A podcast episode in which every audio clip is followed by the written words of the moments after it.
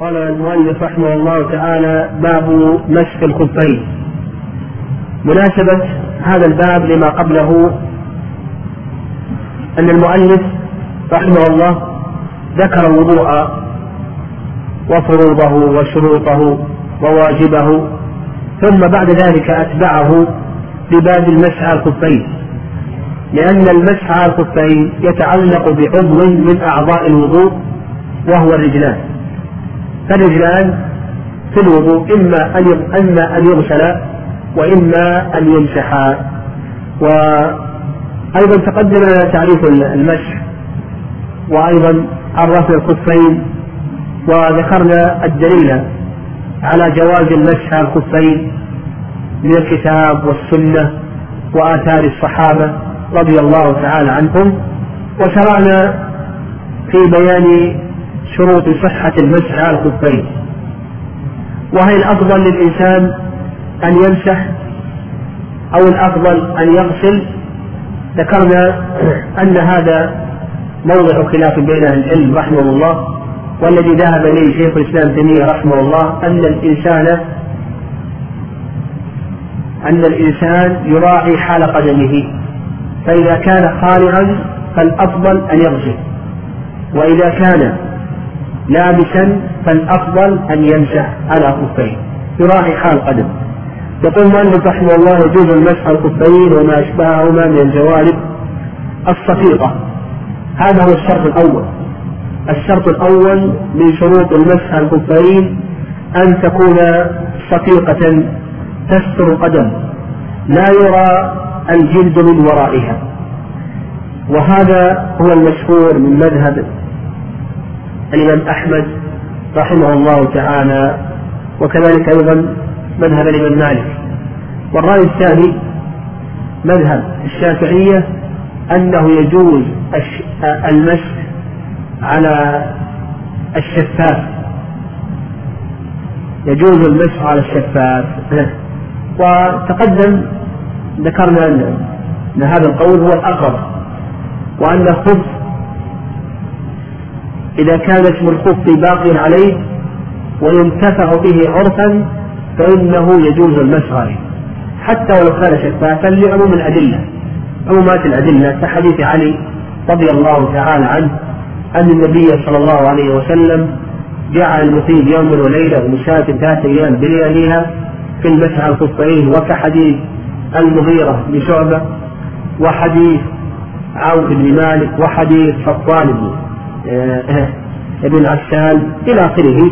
فهذه الأدلة كلها تدل على أن الخف إذا كان اسم الخف باقيا عليه وينتفع به عرفا أنه يصح المسح عليه. قال التي تثبت في القدمين. هذا هو الشرط الثاني. الشرط الثاني من شروط المسح على الخفين يقول المؤلف رحمه الله أن تثبت بنفسها في القدم من غير شد فإن كانت لا تثبت في القدم إلا بشدها إما لثقلها أو لسعتها إلى آخره فيقول المؤلف رحمه الله لا يصح المسح عليه. والعلة في ذلك العلة في ذلك قالوا لأن الذي تدعو الحادث إليه هو الذي يثبت بنفسه. وهذا هو المشهور من مذهب الإمام أحمد رحمه الله وكذلك أيضا مذهب أبي حنيفة والشافعي قالوا لا بد أن يثبت الخف بنفسه فإن كان لا يثبت إلا بشده إما لسعته أو لثقله فإنه لا يصح المسح عليه. والعلة كما تقدم قالوا أن الذي تدعو إليه الحاجة هو الذي يثبت بنفسه. والرأي الثاني قال به بعض المالكية واختاره شيخ الإسلام رحمه الله أنه يصح المسح الخفين مطلقا سواء ثبت بنفسه أو ثبت بغيره كشده أو بنعلين ثبت بنعلين ونحو ذلك. وهذا القول هو الصواب. وادعى ذلك كما تقدم لنا أن القاعدة في ذلك أنه يصح المسح على كل خف اسم الخف لا يزال باقيا عليه وينتفع به عرفا. فإذا كان ينتفع به عرفا واسم الخف لا يزال باقيا عليه فإنه يصح المسح عليه. قال والجراميق التي تجاوز الكعبين. أيضا هذا الشرط هذا الشرط الرابع أو الشرط الثالث الشرط الثالث أنه لا بد أن تكون هذه الختام والجراميق والجوارب التي ينشأ عليها أن تكون ساترة لمحل المفروض يعني ساترة للمحل الذي يجب غسله. آه، لأن ما ظهر فرضه الغسل قالوا ولا يجتمع المسح مع الغسل وتقدم لنا أن الصواب في ذلك أن الصواب في ذلك أن الخف إذا كان اسم الخف لا يزال باقي عليه وينتفع به عرفا أنه يصح المسح عليه. قال في الطهارة الصغرى. هذا الشرط الرابع. الشرط الرابع أن يكون ذلك في الطهارة الصغرى. أما الطهارة الكبرى فإنه لا يمسح الكفين. ودليل ذلك حديث صفوان بن عسان رضي الله تعالى عنه قال أمرنا رسول الله صلى الله عليه وسلم إذا كنا مسافرين ألا ننزع خفافنا ثلاثة أيام ثلاثة أيام ولياليهن إلا من جنابة لكن من بول أو غائط أو نوم. حديث صفوان بن عفان رضي الله تعالى عنه. قال أمرنا رسول الله صلى الله عليه وسلم إذا كنا مسافرين ألا ننزع خفافنا ثلاثة أيام ولياليهن إلا من جنابة لكن من بول أو ضائط أو نوم وهذا الحديث أخرجه الترمذي والبيهقي والإمام أحمد بن ماجه وغيرهم وإسناده صحيح. وكون المسح في الطهارة الصغرى دون الطهارة الكبرى هذا إجماع من أهل العلم رحمهم الله. فقد حكى الإجماع على ذلك آه، ابن قدامة وكذلك أيضا حكاه النووي رحمه الله. هذا هو الشرط. هذا هو الشرط الرابع. قال يوما وليلة للمقيم وثلاثا للمسافر. هذا هو الشرط الخامس.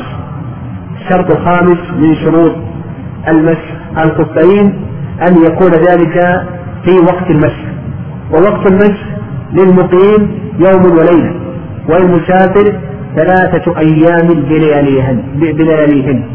ودليل ذلك هذا ما ذهب إليه جمهور أهل العلم رحمهم الله. ودليل ذلك ما تقدم من حديث صفوان بن أسان أمرنا رسول الله صلى الله عليه وسلم إذا كنا مسافرين ألا ننزع خفافنا ثلاثة أيام ولياليهن إلا من جنابة. وكذلك أيضا حديث علي في صحيح مسلم أن النبي صلى الله عليه وسلم جعل للمقيم يوما وليلة وللمسافر ثلاثة أيام بلياليها في المسعى الخفين وكذلك أيضا آه آه، كذلك أيضا حديث عوف بن مالك آه، رضي الله تعالى عنه فإن النبي صلى الله عليه وسلم أمر بالمسح الكفين للمسافر ثلاث أيام ولياليهن وللمقيم يوما وليلة. الرأي الثاني رأي ابن مالك رحمه الله وهو أن المسح على الخفين غير مؤقت. يعني أن الإنسان يمسح ما شاء. إذا لبس خفين يمسح ما شاء. يمسح يوما يومين ثلاثة أيام أربعة إلى آخره. الإمام مالك رحمه الله لا يرى أن المسح على الخفين مؤقت. واستدل على ذلك بحديث أبي بن عمارة.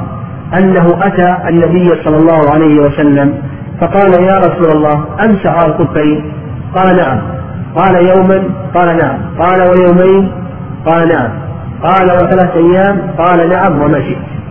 حديث أبي بن عمارة أنه أتى النبي صلى الله عليه وسلم فقال يا رسول الله أمسح الكفرين قال نعم. قال يوما؟ قال نعم. قال ويومين؟ قال نعم.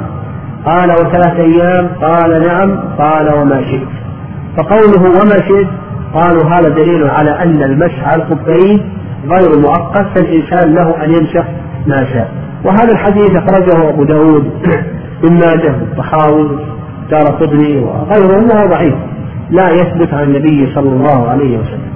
وأخرجه ابن ماجه في سننه وكذلك أيضا الدار قطني والطحاوي والطبراني وغيرهم. وهو لا يثبت عن النبي صلى الله عليه وسلم. الرأي الثالث الرأي الثالث أنه آه، أن المسح الخفين مؤقت إلا في حال الضرورة أو المصلحة فإنه لا يتأقت.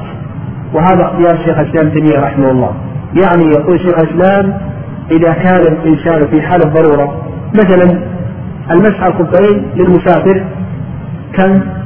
ثلاثة أيام ولياليها يمسح ثلاثة أيام ولياليها إذا اضطر يعني لا يتمكن وهو في السفر لا يتمكن أنه يخلع خفيه ويغسل قدميه لأن الرفقة ستذهب أو يخاف على نفسه أو نحو ذلك فإن المسح في حقه غير مؤقت.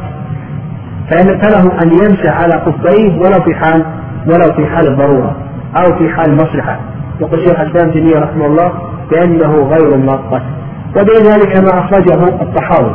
يعني دليل ذلك ما أخرجه الطحاوي عن عقبة بن عامر رضي الله تعالى عنه أنه قدم الشام على عمر رضي الله تعالى عنه فسأله عمر رضي الله تعالى عنه متى عهدك بخلع خفيك؟ عمر سأل عقبة متى عهدك بخلع خفيك؟ فقال لبستهما يوم الجمعة وهذا يوم الجمعة. فعقبة بن عامر يقول لعمر لبستهما يوم الجمعة وهذا يوم الجمعة. لبسها من الجمعة إلى الجمعة. فقال عمر رضي الله تعالى عنه أصبت السنة. وهذا الحديث أخرجه الطحاوي أو غيره. لكن الدار قطني رحمه الله قال بأن قوله السنة هذه اللفظة شاذة وليست ثابتة. الذي الذي ثبت أن عمر قال أصبت وأما قوله السنة فهذه شاذة. والأقرب في ذلك الأقرب ما ذهب إليه جمهور أهل العلم رحمهم الله لأن أحاديث التوقيت أحاديث التوقيت هذه صريحة. يعني فنقول الأقرب في ذلك ما ذهب إليه جمهور أهل العلم رحمهم الله تعالى. يعني عندنا حديث فطان بن عسان وعوف بن مالك وكذلك أيضا آه علي بن أبي طالب وغيرها هذه صريحة في التوقيت. إذا كان في في حال الضرورة فالضرورة تبيح. الضرورات تبيح المحظورات. فهذا هو الشرط الخامس أن أن يمسح في المدة المحددة. الشرط السادس الشرط السادس أن يكون ذلك بعد كمال الطهارة كما سيأتي في كلام المؤلف. آه، رحمه الله تعالى. ولذلك حديث المغيرة بن شعبة رضي الله تعالى عنه في الصحيحين فإنه كان مع النبي صلى الله عليه وسلم في سفر. قال فأهويت لأنزع خفيه فقال دعهما فإني أدخلتهما طاهرتين. في الصحيحين قال دعهما فإني أدخلتهما طاهرتين. وأيضا قول النبي عليه الصلاة والسلام إذا توضأ أحدكم فلبس خفيه إذا توضأ أحدكم فلبس خفيه فهذا دليل على أنه يشترط أن يكون المسح على الخفين. إذا لبس الخفين بعد تمام الطهارة. الشرط السابع الشرط السابع ألا يكون الخف مقرقا. فإن كان الخف مقرقا فإنه لا يصح المسح عليه. وهذا هو المشهور من مذهب الإمام أحمد رحمه الله. ومذهب الشافعي. وقال قال يعني نص نص الحنابلة قالوا لو كان في الخف أو الجورة مثل جب الإبرة خرق فإنه لا يصح المسح عليه هذا هو المشهور من مذهب الإمام أحمد رحمه الله وكذلك أيضا مذهب الشافعي. رأي الإمام مالك رحمه الله يقول لا بأس. المسح على الخفين المفرقين إذا كان الخرق أقل من ثلاث أصابع. إذا كان الخرق أقل من ثلاث أصابع يعني هذا مذهب أبي حنيفة. يعني مذهب أبي حنيفة يقول إذا كان الخرق أقل من ثلاث أصابع فإنه لا بأس بالمسح عليه أوسع من ذلك الإمام آه، مالك آه، مالك رحمه الله. فيقول إذا كان الخف مخرقا وكان الخرق أقل من ثلث الخف فإنه يصح المسح عليه أما إن كان الخرق الثلث فأكثر فإنه لا يصح المسح. عليه فعندنا الآراء ثلاثة الآراء ثلاثة الرأي الأول مذهب الإمام أحمد والشافعي أنه لا يصح المسح على الخف المخرق مطلقا. لأن ما ظهر يقولون فرضه ماذا؟ الغسل ولا يجتمع الغسل مع المسح إلى آخره. والرأي الثاني أنه يصح المسح الخف المقرر واختلفوا في تحديده. فعند الحنفية قالوا إذا كان الخرق أقل من ثلاث أصابع صح المسح عليه. وإن كان الخرق ثلاث أصابع فأكثر لا يصح المسح عليه. الإمام مالك أوسع قال الثلث. إذا كان الخرق أقل من الثلث الخرق أقل من ثلث الخف صح المسح عليه. وإن كان الثلث أكثر فإنه لا يصح المسح عليه. والرأي الأخير اختيار شيخ الإسلام تيمية رحمه الله شيخ الإسلام تيمية رحمه الله يقول بأن أيضا هو رأي الثوري ورأي عبد الله بن المبارك آه، رحمهم الله آه، وغيرهم يقول أن الخف إذا كان فيه خروج يصح المسح عليه إذا كان اسم الخف باقيا عليه وينتفع به عرفا فإذا كان مخرطا وينتفع به عرفا واسم الخف لا يزال باقيا عليه فإنه يصح المسح عليه. أولا من إطلاق الأدلة. الأدلة مطلقة. لم لم تفرق بين خف وخف يعني لم يأتي في الأدلة اشتراط أن يكون الخف ساترا أو غير مخرق إلى آخره أو يثبت نفسه كما سبق.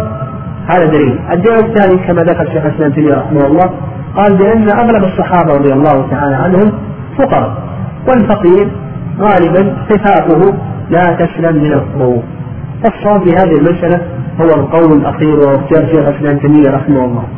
قال أيضا بقينا في شرط أخير وهو أن يكون الخف طاهر العين. فإن كان الخف نجس العين فإنه لا يصح المسح عليه. وعلى هذا نقول على هذا نقول بأن الخف لا يخلو من أمرين. الخف لا يخلو من أمرين. الأمر الأول أن يكون نجس العين أن يكون نجس العين. والأمر الثاني أن يكون طاهر العين لكن طلعت عليه نجاسة. فإن كان نجس العين فهذا لا يصح المسح عليه. مثال ذلك إنسان لبس خفا من جلد غير مدبوب الجلد كما سبق لنا يطهر بالدم. لكن لو أن لو أننا صنعنا من هذا الجلد خفا قبل دمه قبل دمه ثم لبسه إنسان فنقول بأنه لا يصح المسح عليه لأنه نجس العين. ما دام أنه لم يدبغ يعني من جلد ميتة. صنعنا خفا من جلد ميتة لم يدبغ هذا الجلد. فنقول بأن المسح عليه المسح عليه نقول بأنه لا يصح لأنه نجس العين. القسم الثاني أن يكون طاهر العين لكن طرأت عليه نجاسة فهذا يصح عليه مثلا إنسان لبس شراب هذا الشراب أصابه بول أو أصابه دم مشهور أو أصابه غائب أو نحو ذلك أو لبس الكنادر الكنادر هذه أصابها شيء من البول نحو ذلك. فنقول يصح أن تمسح عليها ويرتفق الحدث لكن إذا أراد الإنسان أن يصلي فإنه يخلع. هذه الجوانب المتنجسة أو يغسلها أو آه، يغسل النجاسة التي فيها أو هذه الخنادر المتنجسة يخلعها أو يغسلها ينظفها إلى آخره. فيصح المسح على الجورب أو الخف المتنجس يعني الذي هو طاهر العين لكن طرأت عليه نجاسة. الذي لا يصح المسح عليه هو الخف النجس العين بأن يكون كما مثلنا عندنا خف صنع من جلد ميتة قبل الدم. فهذا خف نجس العين لا يصح المسح عليه. قال المؤلف رحمه الله من الحدث إلى مثله. هذا هذا هو المشهور من الإمام أحمد رحمه الله وهو قول جمهور أهل العلم. يقولون بأن المسح من الحدث تبدأ مدة المسح من الحدث. فإذا أحدثت على هذا الرأي لبست الخفين مثلا لبست الخفين الساعة السادسة فجرا. فمتى تبدأ المدة؟ تبدأ المدة إذا أحدث. إنسان لبس في الساعة السادسة فجرا. أحدث في الساعة التاسعة صباحا ضحى. تبدأ المدة الآن من الساعة التاسعة. فإذا كنت مقيما تحسب أربعة وعشرين ساعة أربعة وعشرين ساعة من التاسعة إلى التاسعة من الغد هذا هذا الظرف كله لك أن تمسح فيه. تمسح من التاسعة إلى التاسعة.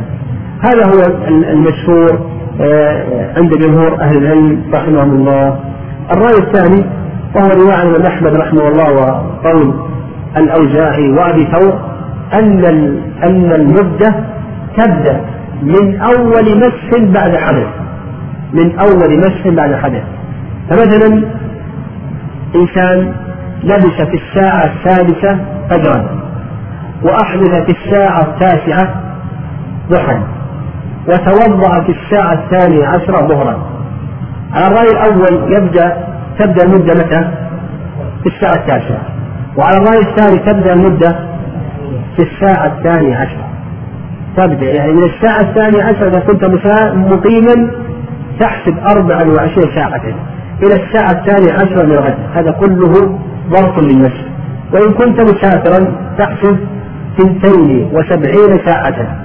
فتحسب من الساعة الثانية عشرة إلى الساعة الثانية عشرة في اليوم الثالث ثنتين وسبعين ساعة. هذه الساعات كلها ظرف للمشي كلها يجوز لك أن تمسح فيها. ونفهم أن المدة لا تبدأ من أول اللبس كما يتوهم بعض الناس. أو أن المدة خمس صلوات كما يتوهم بعض الناس لا. قد يجلس الإنسان يوم كامل لا مسح على خفين هذا كله ما نحسب. قد يجلس ليلة كاملة. قد تلبس الآن الخفين ولا تمسح عليه. تمسح الآن الساعة السابعة. تلبس خفين. ما تمسح عليهم إلا غدا في صلاة الفجر في الساعة الخامسة. تستمر. كل هذا الليل أو كل هذه الساعات كلها ليست داخلة في مدة المسح فإذا مسحت في الساعة الخامسة بعد الحدث بدأت المدة. من الساعة الخامسة إلى الساعة الخامسة من الغد وهكذا. وهذا القول هو الصواب. الصواب في هذا هو الرأي التالي وأن مدة المسح تبدأ من أول مسح بعد الحدث.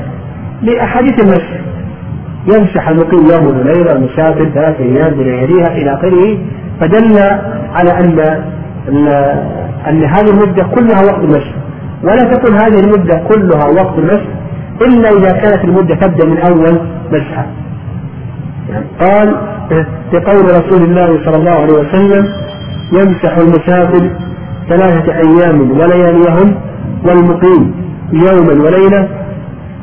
ومتى مسح ثم انقضت المدة أو خلع قبلها بطلت طهارته إذا مسح الإنسان ثم انقضت المدة ال ال إذا ابتدأ المسح في الساعة الثانية عشرة متى تنتهي المدة؟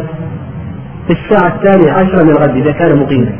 إذا تمت الساعة الثانية عشرة من الغد مسح اليوم الاثنين. تنتهي مدته غدا الثلاثة في الساعة الثانية عشرة ظهرا. إذا جاء في الساعة الثانية عشرة ظهرا تم تمت المدة. ما له حق يمسح لكن هل تبطل الطهارة أو لا تبطل الطهارة؟ يقول المؤلف رحمه الله تبطل الطهارة بتمام المدة. وهذا هو المشهور مذهب الإمام أحمد رحمه الله. وعند أبي حنيفة والشافعي أن الطهارة لا تبطل. لكن قالوا يجب عليه أن يغسل رجليه. قالوا إذا تمت المدة وهو طاهر. مثلا كما في المثال السابق تمت المدة في الساعة الثانية عشرة ظهرا. قالوا لا المشهور المذهب الإمام أحمد ليس له أن يصلي. يجب عليه أنه يخلع كفيه ويتوضأ. لأن تمام المدة يبطل الطهارة. الرأي الثاني رأي أبي حنيفة والشافعي. تمام المدة لا يبطل الطهارة لكن يجب عليه أن يغسل رجليه. يعني يخلع كفيه ويغسل رجليه على طهارته. الرأي الثالث أما الإمام مالك رحمه الله فأمره ظاهر. لماذا؟ الإمام مالك أمره ظاهر. فأصلا لا يوقف صح. أصلا لا يقول بالتوقيت الإمام مالك. يمسح يوما يومين ثلاثة أربعة. فليس عنده شيء إذا تمت المدة بطلت الطهارة. لأنه أصلا لا يرى التوقيت. قال الإمام مالك رحمه الله. الرأي الثالث في المسألة اختيار شيخ الإسلام تيمية رحمه الله. وابن حزم أن تمام المدة لا يبطل الطهارة لكنه يمنع المسح فقط.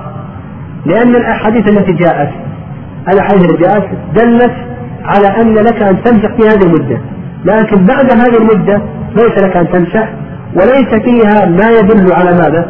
ليس فيها ما يدل على على بطلان الطهارة. وهذا اختيار آه، آه، شيخ الإسلام ومذهب بن حجر رحمه الله وهو الصواب. وعلى هذا إذا تمت المدة يعني جاءت الساعة الثانية عشره وانت طاهر. لك ان تصلي الظهر أو ليس لك ان تصلي الظهر. لك ان تصلي الظهر. وهل لك أن تمسح بعد الثانية عشره أو ليس لك ان تمسح؟ تقول ليس لك أن تمسح لا بد أن تخلع خفيك وأن تتوضأ.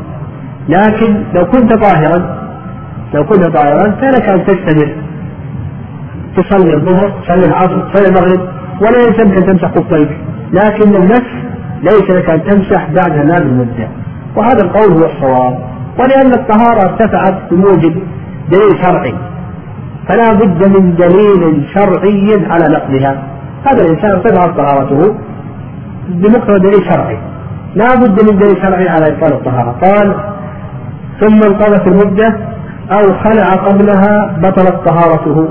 أيضا إذا خلع الخف أو الجوارب قبل تمام المدة هل تبطل الطهارة أو لا تبطل الطهارة؟ يقول المؤلف رحمه الله بأن الطهارة تبطل وعند أبي حنيفة والشافعي كما سبق أن الطهارة تبطل. يعني مثلا لو أن إنسان لبس اليوم الخفين ومس عليهما في الساعة الثانية عشرة الآن في الساعة السابعة أحس بحرارة فخلع خفيه وهو طاهر توضأ صلاة المغرب ثم خلع خفيه بعد أن توضأ هل تبطل طهارته؟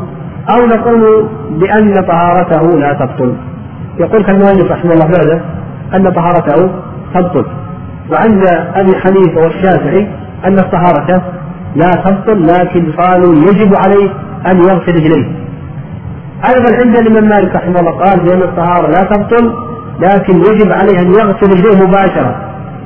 الإمام مالك يقول لا بد مباشرة بعد أن يخلع لكي لا تبطل الطهارة لا بد أن يوالي بين الخلع وغسل رجليه. عند أبي حنيفة والشافعي لا يشترط أن يوالي بين آه، الخلع وغسل رجليه. الرأي الثالث الرأي الثالث ما ذهب إليه ابن حزم رحمه الله اختيار شيخ الإسلام أن الطهارة لا تبطل إذا خلع الممسوح عليه. وهذا القول هو الصواب. ويجب ذلك أولا أنه ورد عن علي. ورد عن علي في البيهقي بإسناد صحيح. أنه توضأ ومسح ثم دخل المسجد ثم خلع ثم صلى. فلو كانت الطهارة تبطل هل يصلي علي أو لا يصلي علي؟ تقول بأنه لا يصلي. هذا ثابت عن علي رضي الله تعالى عنه. هذا دليل. والدليل الثاني كما سلف لنا أن طهارته ارتفعت بمقتضى دليل شرعي فلا بد من دليل شرعي على النقص الطهارة ارتفعت بمقتضى دليل شرعي فلا بد من دليل شرعي يدل على النقص. قال ومن مسح مسافرا ثم أقام. هذه مسائل يقول المؤلف رحمه الله من مسح مسافرا ثم أقام. يعني ابتدأ المدة في السفر والمسافر له أن يمسح ثلاثة أيام ولا يليهم ثم أقام. يقول المؤلف رحمه الله يتم مسح مقيم وعلى هذا يعني يقام يعني قدم البلد يتم مسح مقيم وعلى هذا إن مسح يوم وليلة إيش نقول له؟ لو لو مثلا مسح يوم وليلة في السفر فأكثر ثم قدم البلد ماذا نقول له؟ ها؟ نقول انتهت المدة لا تمسح وإن مسح أقل من يوم وليلة نقول له ماذا؟ تم من مدة يوم وليلة فهذا رجل مسافر إلى مكة. مسح في السفر يومين ثم قدم إلى بلده. ماذا نقول له؟ نقول الآن مدته قد انتهت. الآن تمسح مسح مقيم لما قدمت وقد مسحت في السفر يومين انتهت المدة.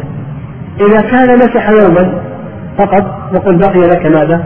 بقي لك ليلة.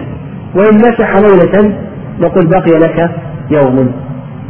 المسألة الثانية قال أو مقيما ثم سافر أتم مسح مقيم.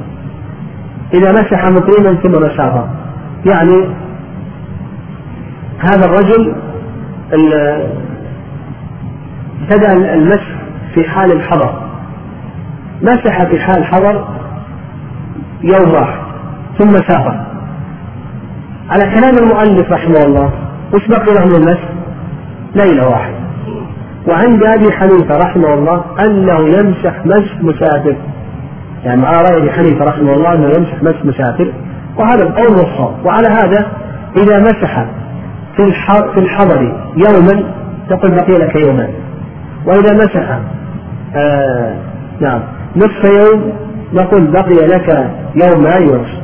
هذا هو الصواب. قال ويجوز المسح على الإمامة إذا كانت ذات ذؤابة ساترة لجميع الرأس. أولا المسح على الإمامة. هل هو جائز أو ليس جائزا؟ يقول المؤلف رحمه الله بأن المسح على الإمامة هذا جائز. وهذا من مفردات مذهب الإمام أحمد رحمه الله. هذا من مفردات مذهب الإمام أحمد رحمه الله تعالى أن المسح على الإمامة جائز.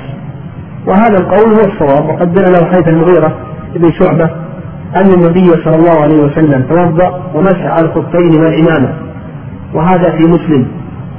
وكذلك أيضا حديث عمرو بن أمية أن النبي صلى الله عليه وسلم أو قال رأيت رسول الله صلى الله عليه وسلم يمسح على إمامته وخفيه وهذا في البخاري. فعندنا دليل على ذلك حديث عمرو بن أمية وحديث المغيرة بن شعبة حديث المغيرة في مسلم. وحديث عمرو بن أمية في صحيح البخاري. وعند جمهور أهل العلم أنه لا يصح المسح على لا المسح على الحنفية والمالكية والشافعية لا يصححون المسح على الإمامة والصواب في ذلك ما دلت له السنة وأن المسح على الإمامة جائز لأن السنة دلت على ذلك. قال اشترط المؤلف رحمه الله قال أن تكون ذات دؤابة يعني أن يكون طرفها مرخى على ظهر اللابس أو تكون محنكة. يعني اشترط المشهور من الإمام أحمد أن تكون ذات ذؤابة يعني لها طرف مذلة أو تكون محنكة وهي التي الجدار تحت الحنك. وقالوا بأن العمامة الصنة هذه ليست من ألبسة المسلمين وإنما هي من ألبسة أهل الذمة فلا يصح المسح عليها. وعند شيخ الإسلام تيمية رحمه الله أن هذا ليس شرطا. أن هذا ليس شرطا. لا يشترط أن تكون ذات دعابة أو أن تكون محنكة فيصح المسح الإمامة الصماء التي ليست ذات دعابة أو محنكة قال ساترة بجميع الرأس إلا ما جرت الآية بكشفه. فذكر المؤلف رحمه الله شرطين. الشرط الأول أن تكون ذات ذؤابة وكذلك أيضا أو محنكة والشرط الثاني أن تكون ساترة لجميع الرأس إلا ما جرت الآية بكشفه قال ومن شرط المسح على جميع ذلك أن يلبسه على طهارة كاملة أما بالنسبة للخط الجوهر فتقدم إلى حديث المغيرة بشعبة رضي الله تعالى عنه. وفيه قال فأهويت لأنزع خفين فقال دعهما فإني أدخلتهما طاهرتين. وأيضا ما تقدم من قول النبي عليه الصلاة والسلام إذا توضأ أحدكم فلبس خفين. فلا بد أن يكون على طهارة كاملة. بالنسبة للخف بالنسبة للإمامة هل يشترط أن يكون لبسها على طهارة كاملة أو لا؟ المشهور المذهب أنه لا بد من ذلك قياسا على الخف وعند شيخ الإسلام تيمية رحمه الله أنه لا يشترط. لا يشترط أن تكون على على طهارة كاملة يعني لو لبس العمامة على غير طهارة فيقول شيخ الإسلام رحمه الله بأن هذا لا بأس به ويمسح عليها. يمسح عليها. آه ويقول بأنه لم يرد دليل لم يرد دليل على أن المسح الإمامة لا بد أن يكون على طهارة كاملة كذلك أيضا المسح الإمامة هل هو مؤقت كالمسح الخفين أو غير مؤقت؟ هذا أيضا موضع خلاف. فالمشهور من المذهب أنه مؤقت وأن الإنسان يمسح الإمام إذا كان مقيما يوما وليلة وإذا كان مسافرا يمسح ثلاث أيام بلياليه. والرأي الثاني أنه غير أنه غير مؤقت. ابن الحزم رحمه الله.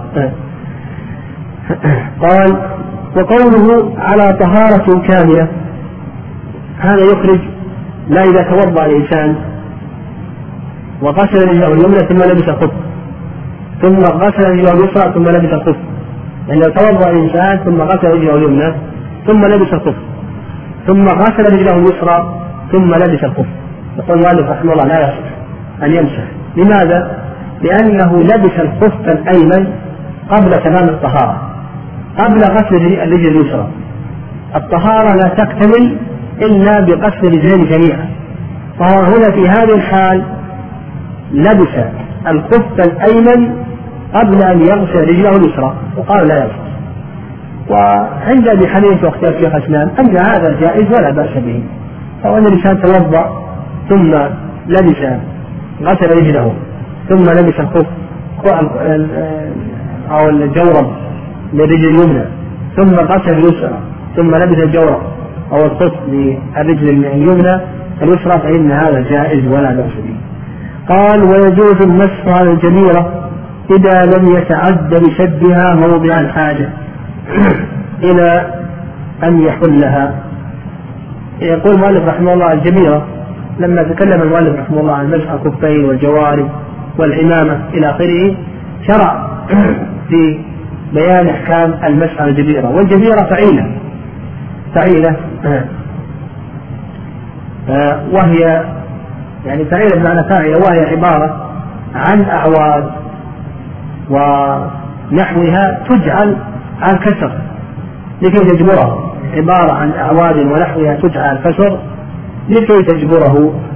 فيقول لك المؤلف رحمه الله آه، إذا لم يتعد بسدها موضع الحاجة. يعني الجبيرة يصح المسح عليها لكن بشرط ماذا؟ ألا يتعدى شدها موضع الحاجة. فإن تعدى شدها موضع الحاجة فلا بد أن يزيلها وما هو موضع الحاجة؟ موضع الحاجة هو الجرح أو الكسر وما يقاربه مما يحتاج إليه في الشد الحاجة هو الجرح أو الكسر وما يقاربه مما يحتاج إليه في الشد فإذا كان مثلا ال ال آه الجرح في منتصف الذراع ونحتاج مثلا إلى 2 سنتي لكي نجد هذا الجرح أو الكسر. هذه هذه موضع حاجة ما هي بس. لكن إذا زاد على ذلك ثلاثة سنتي أربعة سنتي هنا يقول المؤلف أو يقول العلماء لا بد أن يزيل هذا الزائد. لأن الأصل ماذا؟ وجوب الغسل. الأصل وجوب الغسل. فنقول هذا الزائد لا بد أن يزيله الإنسان. إذا لم نتمكن من من, من إزالته لا لم نتمكن من إزالته فالمشهور مذهب أنه يمسح عليها ويتيمم يجمع بين المسح والتيمم والصواب أنه يكفي في ذلك يكفي في ذلك المسح يمسح عليها ويكفي في ذلك المسح. واعلم وقال المؤلف قبل ذلك إلى أن يحلها هذا فيه دليل أو يؤخذ من كلام المؤلف رحمه الله أن المسح الخفين أن مسح الجبيرة غير مؤقت. وهذا من الفروق. هذا من الفروق بين مسح الجبيرة والخفين أن المسح الخفين ماذا؟ مؤقت. للمقيم يوم وليلة والمسافر ثلاث أيام بلياليها. أما الجزيرة فالمس عليها غير مؤقت. إلى أن يزيل هذه الجزيرة يمسح يومين ثلاثة أيام خمسة عشرة إلى آخره. هذا الفرق الأول. الفرق الثاني أن المسح على الخفين رخصة وأما المسح على الجبيرة فعزيمة عزيمة يعني يجب إذا وجب وجب الوضوء. أما المسح الخفين لو أنه قلع ففي بأس. الفرق الثالث الفرق الثالث أن المسح على الخفين لا بد من الطهارة قبل ذلك. وأما المسح الجبيرة فالصواب أنه لا تشترط الطهارة يعني لو لو وضع الجبيرة على غير طهارة فإن هذا لا بأس به. الفرق الثالث أن المسح الخفين كما تقدم مشهور المذهب أنه لا بد أن يكون ساترا لمحل فرق ولا يكون فيه خروق أما المسح على الجبيرة فإنه لا يشترط. لا يشترط أن يكون ساترا لا يشترط أن يكون ساترا ولا يشترط أيضا أن أن يكون غير مقرر. أيضا من الفروق من الفروق أن المسح على جبيرة يكون لكل جبيرة. فإذا كان في الذراع جبيرة تمسح الأعلى والأسفل جميعا. تمسح الجبيرة جميعا. أما الخف المسح يكون ماذا؟ يكون المسح الخف لأعلى الخف. لأعلى الخف ولذلك قول علي رضي الله تعالى عنه. لو كان الدين بالرأي لكان أسفل الخف أولى بالمسح من أعلاه. ولقد رأيت رسول الله صلى الله عليه وسلم يمسح أعلى الخف فالجبيرة لا بد الإنسان ما يكفي أن يمسح فوقين فوقاني بل لا بد أن يمسح كل الجبيرة أما الخف فإنه يمسح ماذا؟ أعلى الخف آه، أيضا آه، عندنا مسألة أعلم أن الإنسان إذا كان عليه جرح وهذا يأخذ من أحوال الإنسان إذا كان في يده جرح أو في رجله جرح يعني إذا كان في محل الوضوء أو محل الغسل جرح نقول يجب على الإنسان أن يغسل الصحيح. يجب على الإنسان أن يغسل الصحيح. فمثلا إذا كانت اليد اليسرى جرح يجب أن تتمضمض وتستنشق وتغسل وجهك وتغسل يد اليمنى وتغسل الصحيح من اليسرى. وأيضا تمسح رأسك وتغسل رجليك. أيضا لو كان الإنسان في فقده الجرح وأصابته جنابة يجب أنه يغسل رأسه وبدنه إلا موضع الجرح. بقية البدن إلا موضع الجرح. لكن بالنسبة للجرح هذا نقول هذا لا يخلو من أمور فهمنا أن الإنسان يجب عليه أن يغسل الصحيح. لكن بقينا في الجرح. في الجرح. هذا الجرح هذا لا يخلو من أمور الأمر الأول أن يكون عليه جميرة أو يكون عليه الآن مثل الآن ما يوجد خرقة أو شاشة أو نحو ذلك أو لصقة فنقول هنا يكفي أن يمسحه الإنسان. إذا كان عليه جبيرة نقول يكفي أن تمسح الجبيرة هذا الأمر الأول. الأمر الثاني أن لا يكون عليه جبيرة ويمكن للإنسان أن يغسله. لا يتضرر بغسله. فنقول يجب عليه أن يغسله. يعني عنده جرح أو كسر ولا يتضرر إذا غسله. يعني لا يجد المرض لا يتأخر البرء لا يبقى موضع أثر في الجسم يشيل البدن. فنقول هنا لا بأس يجب أن يغسله. الأمر الثالث الأمر الثالث إذا كان الغسل يضره ويتمكن من مسحه. فنقول بأنه يمسحه ولا شيء عليه. يمسحه ولا شيء عليه. الأمر الرابع إذا كان الغسل يضره والمسح يضره. فماذا نقول في هذه الحالة؟ نقول بأنه يتيمم في آخر الوضوء. يتيمم في آخر الوضوء. والصواب أيضا أنه لا يشترط الموالاة بين التيمم وبين الوضوء. فأصبح عندنا الجرح له كم حالة؟ له أربع حالات. الحالة الأولى أن يكون عليه جبيرة ينشأ. الحالة الثانية ألا يكون عليه جبيرة ويتمكن الغسل يقول يجب أن يغسل. الحالة الثالثة ليس عليه جبيرة ويتمكن من المشي. الغسل يضره لكن المشي ما يضره تقول يمسح ولا يتيمم في الحالتين السابقتين. وأيضا نفسه فنقول في هذه الحالة يتيمم ويكون تيممه في آخر في آخر الوضوء. قال والرجل والمرأة في ذلك سواء. الرجل والمرأة فيما يتعلق بلبس الخفين سواء. وأن الأصل أن ما ثبت في حق الرجال ثبت في حق النساء إلا دليل. والعكس بالعكس. القاعدة ما ثبت في حق الرجال ثبت في حق النساء وما ثبت في حق النساء ثبت في حق الرجال إلا بدليل.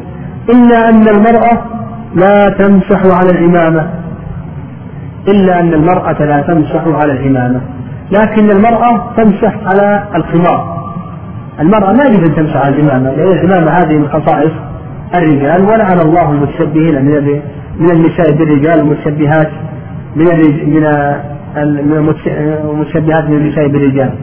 لكن المرأة لها أن تمسح على ماذا؟ على الخمار نعم لفعل أم سلمة.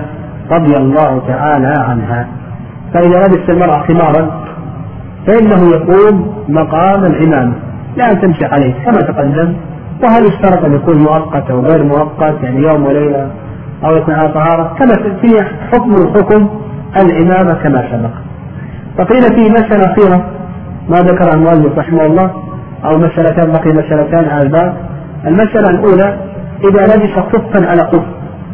إذا لبس خفا مثل لبس جورب ثم لبس جورب ثاني. أو لبس الجوارب ثم لبس الكنادر. لبس خفا على خف. فنقول إذا لبس خفا على خف إن كان لبسه للثاني على طهارة ولو كانت طهارة مسح فإنه يمسح على الثاني. وإن كان لبسه للثاني على حدث فإنه يمسح ماذا؟ يمسح الأول. إذا لبس خفا على خف. نقول إذا كان لبسه الثاني على طهارة ولو كانت الطهارة طهارة نفس فإنه يمسح على ماذا؟ على الثاني. مثال ذلك توضأ ولبس خفيه ثم لما صار بالليل لبس الخف الثاني. نقول إذا كان يلبس الخف الثاني على طهارة يعني حتى لو كان طهارة نفس مسح على خفيه ثم لبس الثاني فإنه يمسح على الثاني. ببقية يعني المدة تحسب من الأول من الأول. وإن كان لا لبس الثاني على حدث فإن الحكم متعلق بالأول. الحكم يكون متعلق بالأول. المسألة الثانية كيفية مسح الخفين يقول في المسح الخفين يمسح آه، يمسح أعلى الخف وقد ورد الآثار في آثار البيهقي وغيره. أنه يمسح من أصابع رجلين يمر يمر أصابع يديه من أصابع الرجلين إلى الساق يعني يكون المسح من أصابع الرجلين إلى الساق. وهل يمسح اليمنى ثم اليسرى أو يمسحهما جميعا؟ يقول ظاهر السنة يعني ظاهر السنة هذا موضع خلاف بعض العلماء قال بأنه يبدأ باليمنى ثم اليسرى لأن المسح بدل من الغسل والغسل يبدأ باليمنى ثم اليسرى بعض العلماء قال يمسحهما جميعا. هذا موضع خلاف والأمر في ذلك واسع. قل الأمر في ذلك واسع إن شاء الله. قال رحمه الله باب نواقض الوضوء وهي سبعة الخارج من السبيلين إلى آخره مناسبة هذا الباب لما قبله ظاهرة. فإن المؤلف رحمه الله لما ذكر أحكام الوضوء ذكر شروطه وفروضه وواجبه وتكلم عن مسح الخفين لأنه يتعلق بعضو من أعضاء الوضوء شرع الآن في بيان مبطلات الوضوء ومفسداته وهكذا العلماء رحمهم الله يتكلمون العلماء رحمهم الله يتكلمون عن العبادة وفي الأخير يبينون مفسداتها ومبطلاتها إلى آخره. فمثلا الصلاة يتكلمون عليها تكون أركانها وشروطها وجدادها ثم بعد ذلك يتكلمون عن مبطلات الصلاة والصيام أيضا ثم يتكلمون بعد ذلك عن مفطرات الصوم والحج ثم يتكلمون بعد ذلك عن محظورات الحج إلى آخره. الحمد لله والصلاة والسلام على رسول الله وبعد. قلنا قول المؤلف رحمه الله باب نواقض الوضوء. المراد بنواقض الوضوء مفسداته. ومبطلاته قال وهي سبعة. وقول المؤلف رحمه الله سبعة.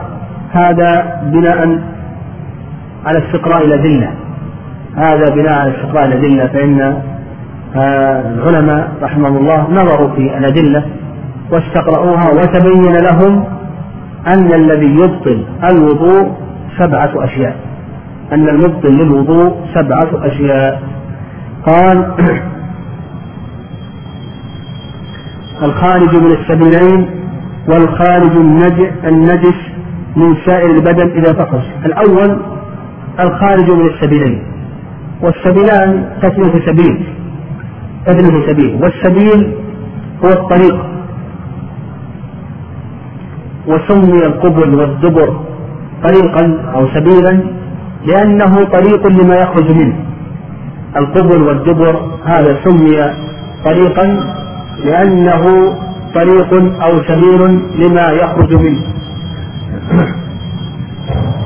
فيقول المؤلف رحمه الله الخارج من السبيلين هذا من نواقض الوضوء. الخارج من السبيلين هذا يقسمه العلماء رحمهم الله إلى قسمين. القسم الأول خارج معتاد والقسم الثاني خارج غير معتاد المعتاد مثل مثل البول مثل الغائط مثل المذي مثل الودي مثل دم الحيض مثل المني إلى آخره. هذا يسمى خارج ماذا؟ خارج معتاد. خارج معتاد. الخارج المعتاد هذا يرتب بإجماع العلماء. دل على ذلك القرآن والسنة والإجماع. الاجماع فالقرآن مثل قول الله مثل قول الله عز وجل أو جاء احد أو جاء أحد منكم من الغائط. وأيضا حديث صفوان بن عسان وفيه لكن من بول أو غائط أو نوم. بول أو غائط. وأيضا في المذي في حديث علي أن النبي صلى الله عليه وسلم أمره بالوضوء. وأيضا قول النبي عليه الصلاة والسلام في حديث عبد الله بن زيد لا ينصرف حتى يسمع صوتا أو يجد ريحا يدل على أن الريح من الدبر لها ماذا؟ ناقضة فنقول القسم الأول الناقض المعتاد الخارج المعتاد هذا حكمه ماذا؟ ها؟ ناقض بالإجماع مثل البول مثل الغائط مثل الريح آه مثل المدي مثل المني مثل الودي آه مثل دم الحيض إلى آخره. هذه الأشياء ناقضة معتادة نقول ناقضة بالإجماع. القسم الثاني من الخارج من السبيلين الخارج غير المعتاد. الخارج غير المعتاد. والخارج المعتاد هذا تحته أمثلة. مثل رطوبة فرج المرأة. رطوبة فرج المرأة. هذه خارج غير معتاد مثل الريح من القبل أي تكثر عند النساء. الريح من القبل. هذه خارج غير معتاد ومثل سلك البول. مثل دم الاستحاضة هذه خارج غير معتاد سلس البول دم الاستحاضة رطوبة فرج المرأة. الريح من القبل. أيضا آه، مثل أيضا لو خرج من الدبر حصاة. أو خرج من شعر أو غير ذلك. هذه الأشياء هل تنقض أو لا تنقض؟ هذا موضع خلاف بين أهل العلم رحمهم الله. المشهور يعني المشهور من مذهب الإمام أحمد وقول أكثر أهل العلم أنها ناقضة. ولهذا قال لك المؤلف رحمه الله الخارج من السبيل يعني يرى أن كل الخارج من السبيل سواء كان معتادا أو غير معتاد أنه ناقض. والرأي الثاني الرأي الثاني ما ذهب إليه الإمام مالك رحمه الله؟ واختيار شيخ الإسلام تيمية رحمه الله أن الخارج من السبيل إذا كان غير معتاد أنه لا ينقض الوضوء. أنه لا ينقض الوضوء. وهذا القول هو الصواب. يعني هذا القول هو الصواب أن الخارج أنه لا ينقض الوضوء لأن لأن الأصل في ذلك بقاء الطهارة. والطهارة ارتفعت مثل دليل شرعي فلا بد من دليل شرعي على النقض بها. ولم يرد ما يدل على الدليل الشرعي وأما أمر الاستحاضه ان تتوضأ كل صلاة بوقت كل صلاة فهذا لا يثبت عن النبي صلى الله عليه وسلم. لأن الذين قالوا بأنه ينقض الخارج غير معتاد استدلوا بأن النبي عليه الصلاة والسلام أمر المستحاضة أن تتوضأ في وقت كل صلاة. كما في أبي داود من حديث عائشة. رضي الله تعالى عنها. وهذا كما قلنا هذا لا يثبت عن النبي صلى الله عليه وسلم فالصواب في ذلك أن الخارج غير معتاد أنه لا وعلى هذا المستحاضة من ثلاث بول أو ثلاث ريح ونحو ذلك هذه الأشياء. تقول هذه الأشياء لا تنقض إلا إذا وجد حدث آخر معتاد. أما الأمور الأحداث هذه غير معتادة فإنها لا تنقض الوضوء. هذا قول ونقض. قال هذا النقض الأول. قال والخارج النجس من سائل البدن إذا فحش. الخارج النجس هذا لا يخلو من غيره هذا الناقض الثاني. الناقض الثاني يقول المؤلف رحمه الله الخارج النجس. نقول الخارج النجس هذا لا يخلو من أمرين. الأمر الأول أن يكون بولا أو غائطا يعني خارج من بيت البدن مثلا لو فتح في بطن الإنسان فتحة عن طريق مثلا عملية جراحية عملية جراحية ثم أخذ منه البول عن طريق آه، البوب أو أو الماسورة أو لي أو نحو ذلك خروج البول هل ينقض أو لا ينقض؟ أو خروج الغائط هنا ينقض أو لا ينقض؟ وقال لك المؤلف رحمه الله الخارج النجس من سائر البدن إذا فحش ويقول لك المؤلف رحمه الله آه أنه ينقض. أنه ينقض. فنقول إذا كان بولا أو غائطا فإنه ينقض. والدليل على ذلك العمومات. يعني هم استدلوا بالعمومات العلماء. مثل قول الله عز وجل أو جاء أحد منكم من الغائط. هذا يشمل الغائط سواء خرج من مخرجه أو خرج من غير مخرجه.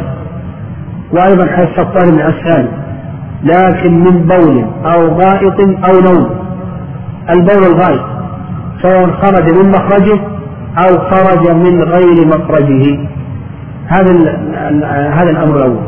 الأمر الثاني إذا كان الخارج غير بول وغائط مثل دم مثل قيح مثل صديد مثل آه، قيح.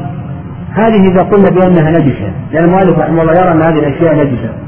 إنسان خرج منه دم أصابه جرح أو خرج منه قيح وصديد فيه الجرح.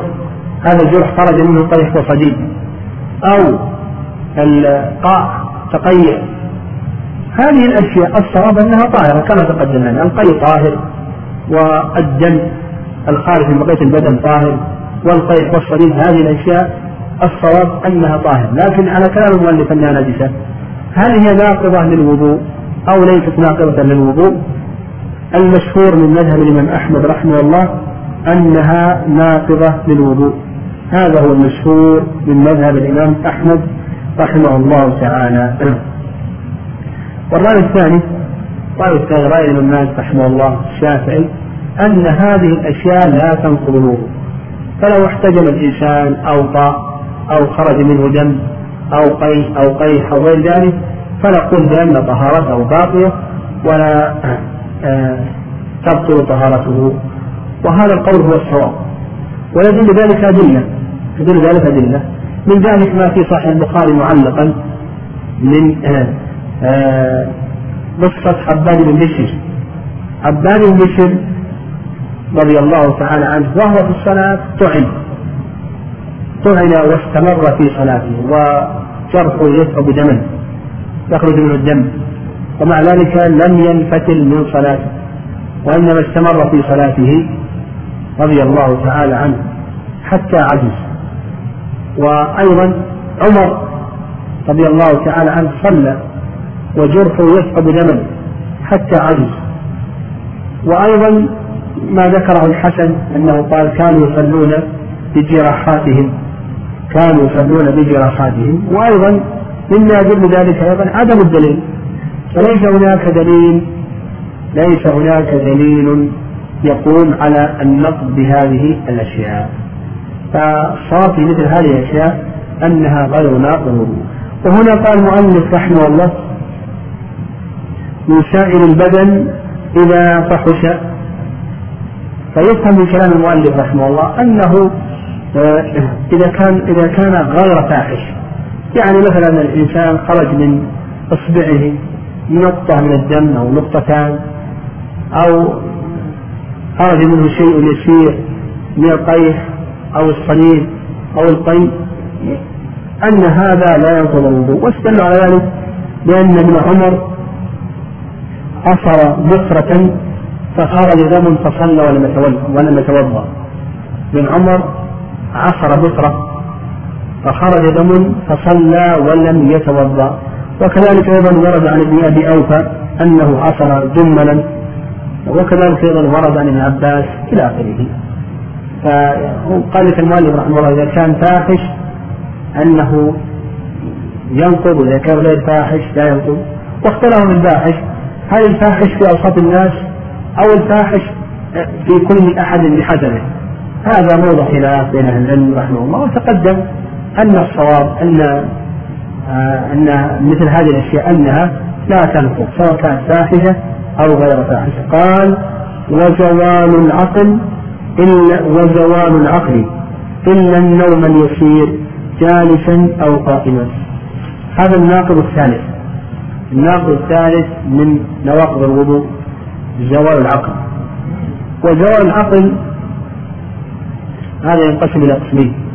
ينقسم إلى قسمين. القسم الأول أن يزول بالجنون أو يغطى عليه بالسكر أو الإغماء فهذا ينقض مطلقا.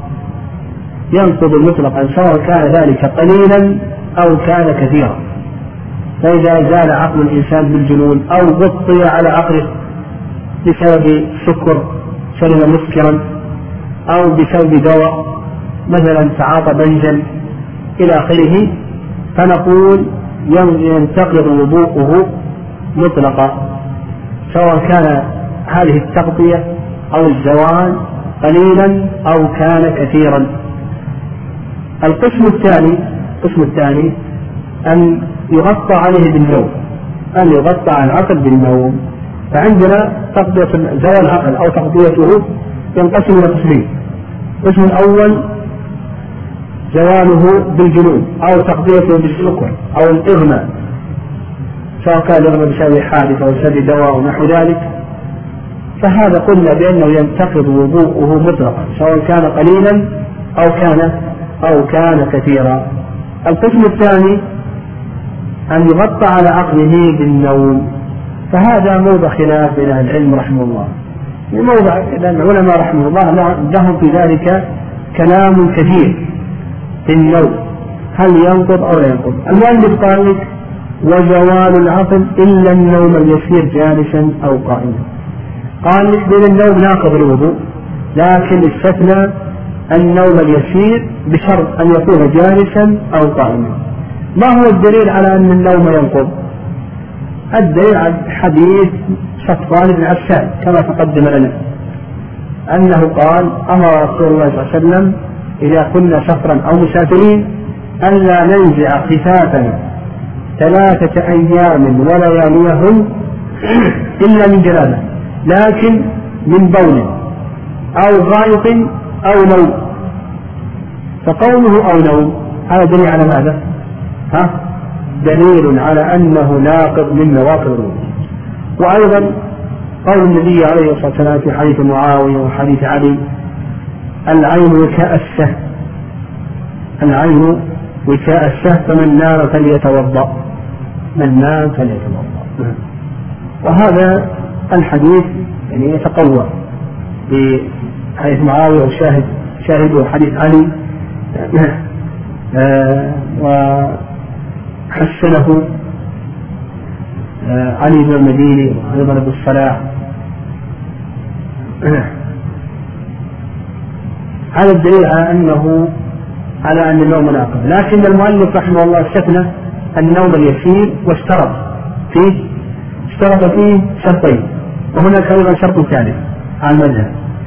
أن يكون يسيرا وأن يكون من جالس أو قائم وأن يكون غير محتبئ أو متكئ أو مستند فنقول اشترط المذهب لكي لا ينقض النوم ثلاثة شروط الشرط الأول أن يكون يسيرا يكون النوم يسيرا. والشرط الثاني أن يكون النائم قائما أو جالسا. والشرط الثالث أن يكون غير متكئ لو كان متكئ ينتقض أو مستند يعني إذا كان متكئ على يده اليمنى واليسرى ينقض أو مستند على ظهره ينقض أو محتجئ أيضا قالوا بأنه ينقض فالخلاصة خلاصة كلام المؤلف رحمه الله أن النوم ناقض للوضوء إلا اليسير بثلاث شروط.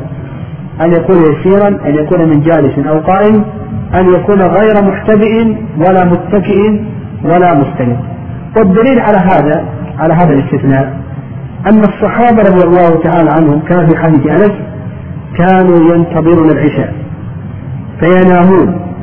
قعودا ثم يصلون ولا يتوضؤون. وهذا في صحيح مسلم.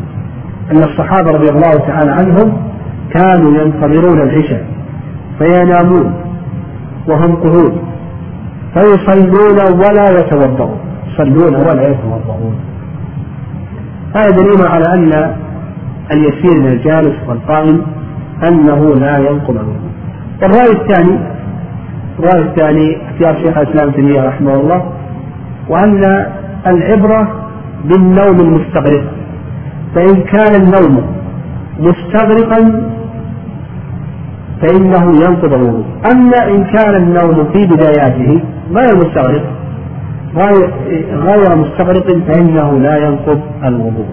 وسواء كان الإنسان متكئ أو مستند أو مضطجع أو غير ذلك. المهم العبرة بماذا؟ العبرة بالاستغراق.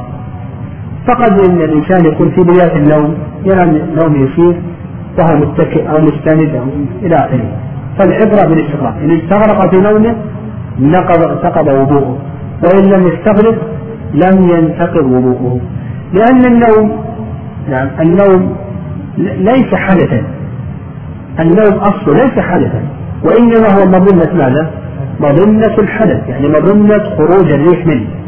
فإذا كان الإنسان استغرق ما يدري هل خرج منه ريح أو لم يخرج منه ريح النبي عليه الصلاة والسلام يقول العين بكأسة يعني الرباط كالرباط بحلقة الدبر. فإذا نامت العين استطرق الوجه فإذا استغرق الإنسان في نومه ما يشعر هل خرج منه شيء ولا ما يخرج منه شيء. لكن إذا كان نومه غير مستغرق فإنه يعرف هل خرج منه شيء أو لم يخرج منه شيء. يعني هذا القول هو أقرب الأقوال إيه. نقف على هذا. يعني الناقض الثالث. إيه.